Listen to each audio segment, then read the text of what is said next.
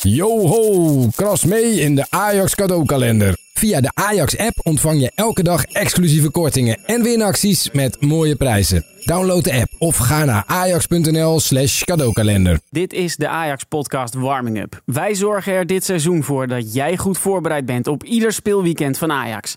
Mijn naam is Anne de Jong. En ik ben Diederik van Zessen en we gaan in deze aflevering voorbeschouwen op NEC Ajax en ook alvast een beetje op dat restje RKC Ajax. We hebben natuurlijk ook weer een Ajax-breinbreker voor je die te maken heeft met de wedstrijd van dit weekend.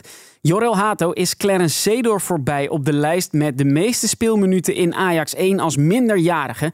Hato staat nu tweede met 1692 minuten. Er is dus nog één speler die meer wedstrijden speelde voordat hij zijn 18e verjaardag vierde. Dat was in 1982. Wie, oh wie is het? Ja, nee, ik moet het nog verwerken. Het is nog gewoon van dat ik echt baal. Ja, zat van alles in. Ja, het was heel magisch. Het deed echt iets met me. Welkom vanuit het hart van de club. Een hart dat best een beetje pijn doet, want de club werd uitgeschakeld in de Europa League. Straks beschouwen we voor op NEC, onder andere met John van het Schip. Maar laten we eerst nog even kort terugkijken op de wedstrijd Olympique Marseille-Ajax. Want wat was het weer een spektakelstuk. Ja, zeker. Laten we daar de top 5 mee beginnen. Over twee wedstrijden tussen deze twee ploegen vielen 13 goals, waarvan helaas eentje meer voor de Fransen. In de uitwedstrijd kwam Ajax drie keer terug van een achterstand. De eerste keer en de tweede keer was dat via dezelfde doelpunt te maken. Bergwijn wordt weggestuurd, is er bijna doorheen. Forbes dan naar de linkerkant en dan Brobby, goede combinatie. Brobby meteen met de 1-1, jazeker! Berghuis, punt 16 meter, doorsteken naar Brobby. Brobby kan draaien. Brobby schiet de 2-2 binnen. De 3-3 viel uit het eerste balcontact van Chuba Ekpom. Toen Ajax bovendien al met 10 man op het veld stond. Wat een gekke huis, vond ook aanvoerder Bergwijn. Mm, ja, zat van alles in. Veel strijd, veel goals. Helaas geen overwinning. Olympique Marseille maakte nog de 4-3 uit een penalty, waarover nog wel even kan worden nagediscussieerd. Ja, ik heb het teruggezien, maar schandalig.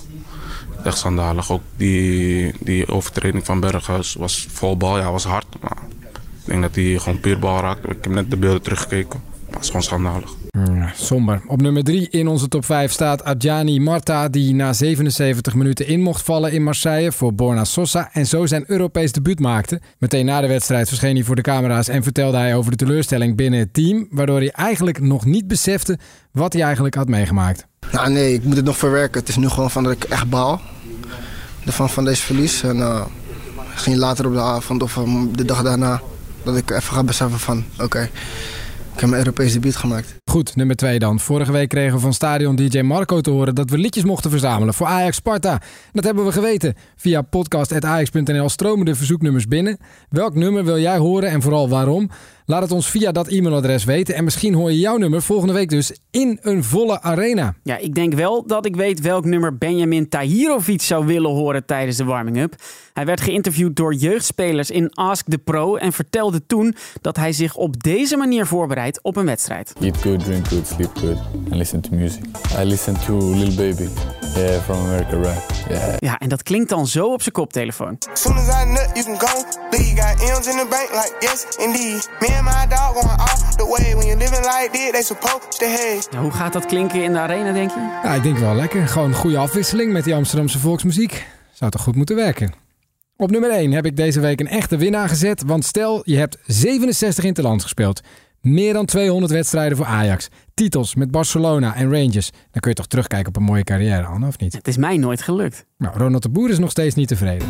Je kan strekken, hè, zo van dit is de top die je bereikt. Maar je kan altijd nog iets verder. Dus als je net even dat uitstrekken. En dat uitstrekken, dat even hè, dat plafond raken. Dus dat je, daar, hè, dus dat je echt alles hebt gegeven. Dat gevoel heb ik gehad dat ik dat niet heb gedaan. Omdat Omdat, ja, omdat, dat legt hij uit in de eerste aflevering van Take a Seat, waarin hij eh, in de auto stapt met onze collega Aviv. Check dat interview met Ronald de Boer dus nu op alle Ajax-kanalen. Nico, we have a well-deserved present for you. Was a good game, eh? Was great. Yeah, yeah. Was okay. Today you had your bitterball. Next time a cassoufflé. Castlefly is the The cheesy one. the cheese. Yeah, yeah, please. Yeah, it's it's very good one. Willem Wever, maar dan over de mooiste club van Nederland. Zo kun je de rubriek Ask Ajax nog het beste omschrijven. Elke week ontvangen we stapels vragen en proberen we er in ieder geval één te laten beantwoorden. Deze week was het deze vraag van luisteraar Anna. Hoe vonden de Ajax-vrouwen het om in de arena te spelen tegen Paris Saint-Germain? Nou, dat vragen we natuurlijk aan Kelly de Sanders, vriendin van de podcast en verdediger van de Ajax-vrouwen. Hoi Anna, dankjewel voor je vraag. Superleuke vraag ook. Uh, hoe het was om in de arena te spelen. Ja, het was echt super bijzonder. Ik uh, had van tevoren al heel veel kriebels in mijn buik. Um, we waren voorbereid op de, op de lichtshow die er was in de arena.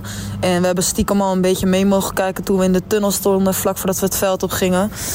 De wedstrijd zelf, ja, het was heel magisch. Het deed echt iets met me. Ik kreeg echt heel vaak kippenvel. Ik had soms even een moment dat ik heel even om me heen kon kijken. Want je bent natuurlijk wel een wedstrijd aan het spelen.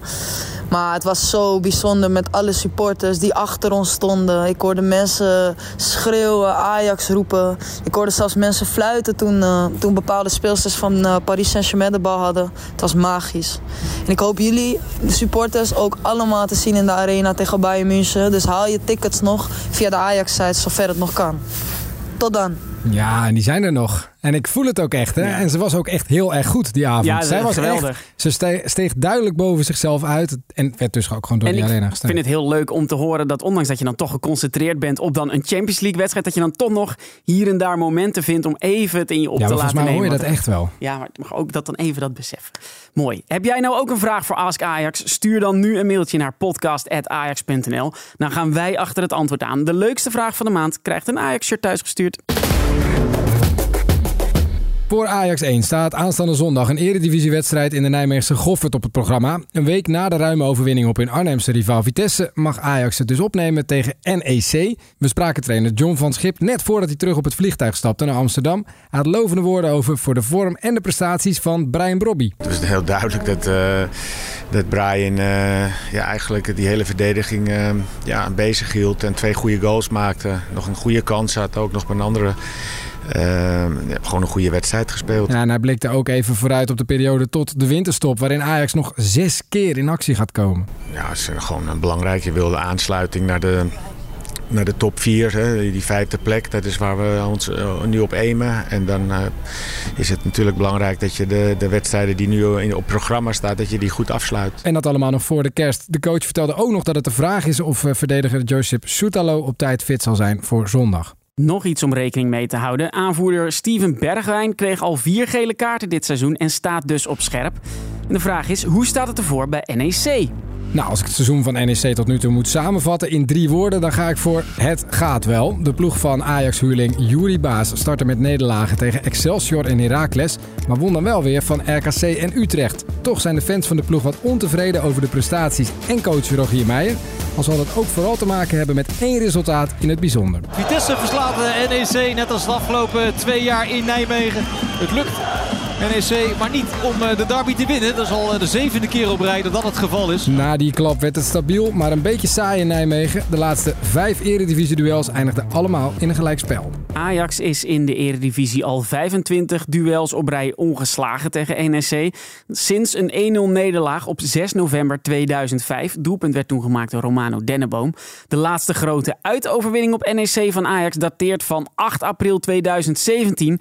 In dat bijzondere seizoen kwam Ajax met 1-4 voor en hinkte toen een klein beetje op twee gedachten. Want NEC gaat ook niet meer aanvallend iets uitrichten. Maar ja, aanstaande donderdag dan speelt Ajax uh, thuis tegen de ploeg uit Gelsenkirchen. Schalke 04. Nu Sieg met Doordaas. Sieg zelf, Sieg zelf. Sieg maakt hem af. Ja, oh, wat een rush. Hakim Ziyech zet de verdediging van NEC te kakken. Ja, het werd toch nog 1-5 dus. NEC degradeerde dat seizoen en Ajax won een paar dagen later overtuigend met 2-0 van Schalke 04. John van Schip heeft persoonlijk trouwens ook nog een bijzondere herinnering aan de tegenstander van uh, zondag. Vanuit zijn tijd als speler. Als 19-jarige won hij namelijk al de KNVB-beker met Ajax in uh, 82-83. In de finale, die toen nog over twee wedstrijden werd gespeeld, stond Ajax tegenover NEC. De piepjongen van Schip viel in beide duels in en won zoal zijn tweede hoofdprijs met Ajax. Laten we dan ook nog even vooruitkijken naar de wedstrijd van aanstaande woensdag. Dan reist Ajax naar Waalwijk om de resterende minuten uit te spelen van het gestaakte duel met RKC van zaterdag 30 september. Op Ajax Radio klonk die wedstrijd toen zo. De rand van de 16 meter. Forbes gaat naar binnen, gaat hij schieten. Hij heeft hem voor zijn linkerligheid. Paas voor Brobby. Brobby kan hij schieten. Brobby het schot en 1-0 voor Ajax. Wordt het wel waardig gezet door Forbes. Moet vasthouden en is een penalty. Aanloop van Bergwijn en hij schuift hem heel rustig in de rechterhoek. Het is eh, 1-2 voor Ajax. Aan de rechterkant, Rens heeft Forbes naast zich. Forbes is mee, geeft met zijn rechter voor. Niet helemaal lekker. Nog wel een 16 meter. Berghuis schiet. Berghuis scoort. 3-2 Ajax. De camera's draaien weg. Omdat het eh, niet goed lijkt te gaan met eh, de doelman. Ja, de wedstrijd wordt hier definitief gestaakt. Hoe gaat het nu verder in zijn werk? We pikken de wedstrijd op na 85 minuten. Dat betekent niet dat het uh, nog maar 5 minuten zijn, want het duel heeft natuurlijk eerder ook al stilgelegen en dus mogen we rekenen op de nodige blessuretijd. Daarnaast kunnen beide ploegen een vervanger inzetten voor eventueel geblesseerde spelers. Bij Ajax was bijvoorbeeld Amaricio van Axel Dongen net ingevallen toen en nu zit hij in de ziekenboeg. Er mogen supporters aanwezig zijn en Paul van Boekel is net als in september de scheidsrechter van dienst. Bedankt voor het luisteren en blijf nog even hangen voor het antwoord op de breinbreker. Abonneer je op deze podcast via Spotify, Apple Podcast of waar je ook maar luistert. En wil je reageren? Stuur dan een mailtje naar podcast.ajax.nl of gebruik de hashtag AjaxPodcast op X. Zondag trappen NEC en Ajax om half drie smiddags af. De laatste minuten tussen RKC en Ajax worden aanstaande woensdag om 8 uur uitgespeeld. Ook daar is Ajax Radio live bij. Alle wedstrijden van Ajax kun je volgen via het liveverslag via ajax.nl, de Ajax-app of via onze eigen zender op Juke. De volgende aflevering van de Ajax Podcast Warming Up komt zo snel mogelijk na RKC Ajax uit.